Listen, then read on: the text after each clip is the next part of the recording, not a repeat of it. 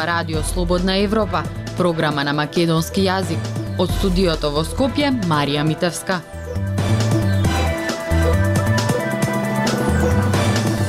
Почитувани во вестите ке слушате.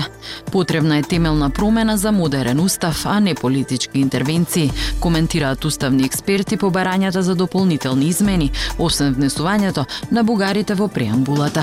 Ги користили Македонија потенцијалите за развој на домашниот туризам. Маестро Симон Трпчевски и пријателите по пет години со концерт во Скопје. Останете со нас.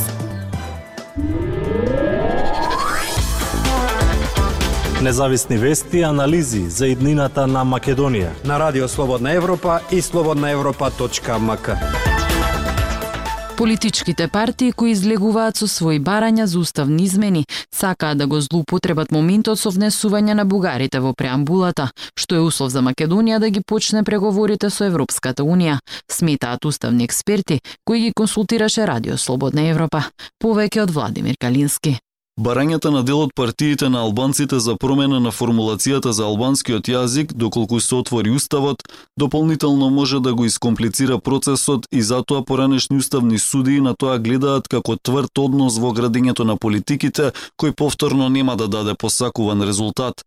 Поранешниот председател на Уставниот суд Трендафил Ивановски смета дека доградувањето на преамбулата во Уставот со вметнувањето на бугарите меѓу другите народи е периферна и не многу голема уставна промена, но посочува дека тоа ќе покрене и други прашања. Мислам дека се овие не до крај, недоградени а, системски прашања или проблеми на кои што нашите подговорни органи а, мува не ги лази, мислат дека нема тука не постојат проблеми. Вели Ивановски за Радио Слободна Европа. Алијанса за албанците минатиов месец го услови своето гласање за измените на уставот со внесувањето на бугарите во преамбулата, со барење да биде избришан терминот 20% наведен за употреба на јазикот на малцинствата во локалните средини.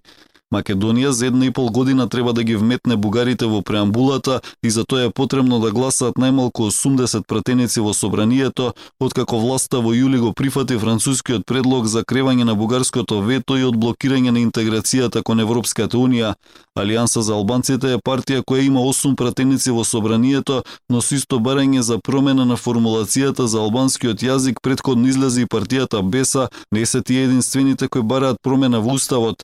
Сдруженијата Конституцијата на египтјаните официјално побараат владата да бидат внесени во преамбулата каде се споменати албанците, турците, ромите, власите, србите и бошњаците. Владата најави дека размислува и за барањата на евреите, хрватите, торбешите и црногорците. Ивановски не гледа никаков проблем во исполнувањето на овие барања и подсетува дека за нив имало согласности од владата и од опозицијата.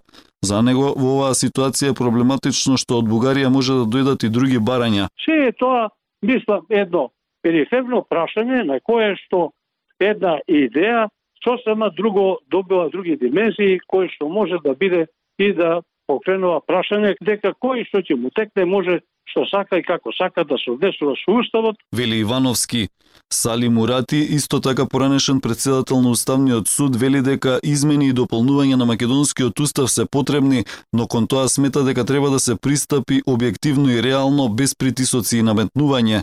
Уставот има многу недостатоци, а неговите измени треба да се работат во нормална атмосфера со реален обштествен пристап и употреба на аналогијата во меѓународните достигнувања, вели Мурати. За жал сметам дека во моментот во државата не постојат објективни околности, почнувајќи од научната фела, јавноста со реален аналитички пристап во собранието за да извршат обиди за измени и дополнување на уставот, вели Мурати. Радио Слободна Европа, светот на Македонија. Само 3 до 4 од 100 домашните туроператори ја продаваат земјава како дестинација, покажуваат анализите. Дел од туроператорите причините за ова ги лоцираат во повеќето фактори. Две третини од туристите во Македонија се странци. Прилог на Ивана Стојкова. Од бисерот на Балканот преку Пелистирските учи па се до безбројните живописни села со прекрасни пейсажи и природа. Македонија е земја со огромен потенцијал за развој на домашниот туризам, но анализите покажуваат дека само 3 до 4 од 100 домашните туроператори ја продаваат земјава како дестинација, а потенцијалот генерално не се користи во целост. Тоа значи дека многу мал број на туроператори и туристички агенции ги продаваат нашите туристички места. Тоа го намалува бројот на на домашните туристи во нашите туристички места, нивните ноќевања, но и создава помала конкурентност и атрактивност за разлика од другите дестинации кои што се надвор од нашата нашата држава. Вели Љупчо Јаневски од Агенцијата за промоција и поддршка на туризам. Дел од туроператорите пак причините за ова ги лоцираат во повеќе фактори. Дарко Панов, кој што е менаџер на туристичка агенција, објаснува дека еден од проблемите на агенциите кога станува збор за домашниот туризам се сместувачките капацитети. Друга причина е што за речи с исти цени граѓаните може да отидат во соседните држави каде добиваат подобри услови и услуги. Цените во нашите сместувачки капацитети со никакви содржини во споредба со цените кои што имаат огромни содржини, спортско-рекреативни и така натаму, плюс патеките инфраструктурата, значи пример во некоја соседна држава, сега да не рекламирам, не е битно во било која од нашите соседни, за многу поевтино добивате многу повеќе.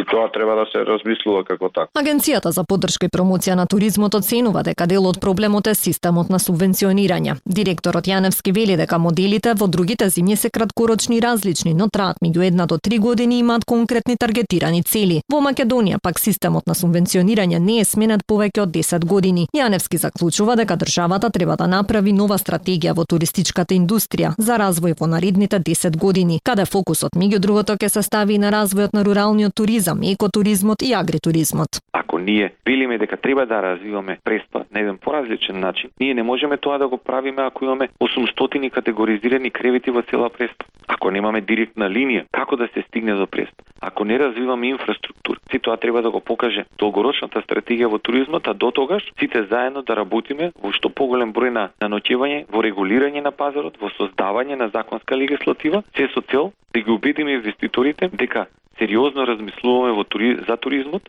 во Македонија за туристичката индустрија кој што во овој момент, момент директно или индиректно од прилика има запослено 15 до 20 илјади. Панов се согласува дека актуелните субвенции во туризмот не даваат резултати, но сепак вели џабе се субвенција ако државата не инвестира во инфраструктурата, сместувачките капацитети и содржините во спортско-рекреативните центри. Суштински работи се значи промена на субвенционирање. Видовме дека не дава некој огромен даде резултат, меѓутоа не, не доволен за тие пари. Не се не се враќаат парите од буџетот. Тора работа инфраструктура, содржини и така натаму на сместувачките капацитети и на спортско-рекреативните, ајде да кажам, терени. На ваков начин очекувањата се дека во наредните 2 до 3 години домашните туроператори ќе се охрабрат во и вон сезона што повеќе да ја продаваат земјава како туристичка дестинација на домашните туристи. Актуелности свет на Радио Слободна Европа. Председателите на Кина и Русија, Си Джинпинг и Владимир Путин треба за прв пат да се сретнат од почетокот на руската инвазија во Украина.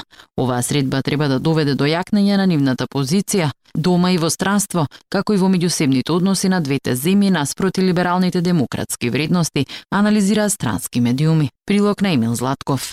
На самитот на Шангајската организација за соработка во рамките на политичкиот, економскиот и безбедносен форум на 15 и 16 септември треба да се одржи средба на кинескиот и рускиот председател Си Джинпинг и Владимир Путин, која е прва од почетокот на руската инвазија врз Украина.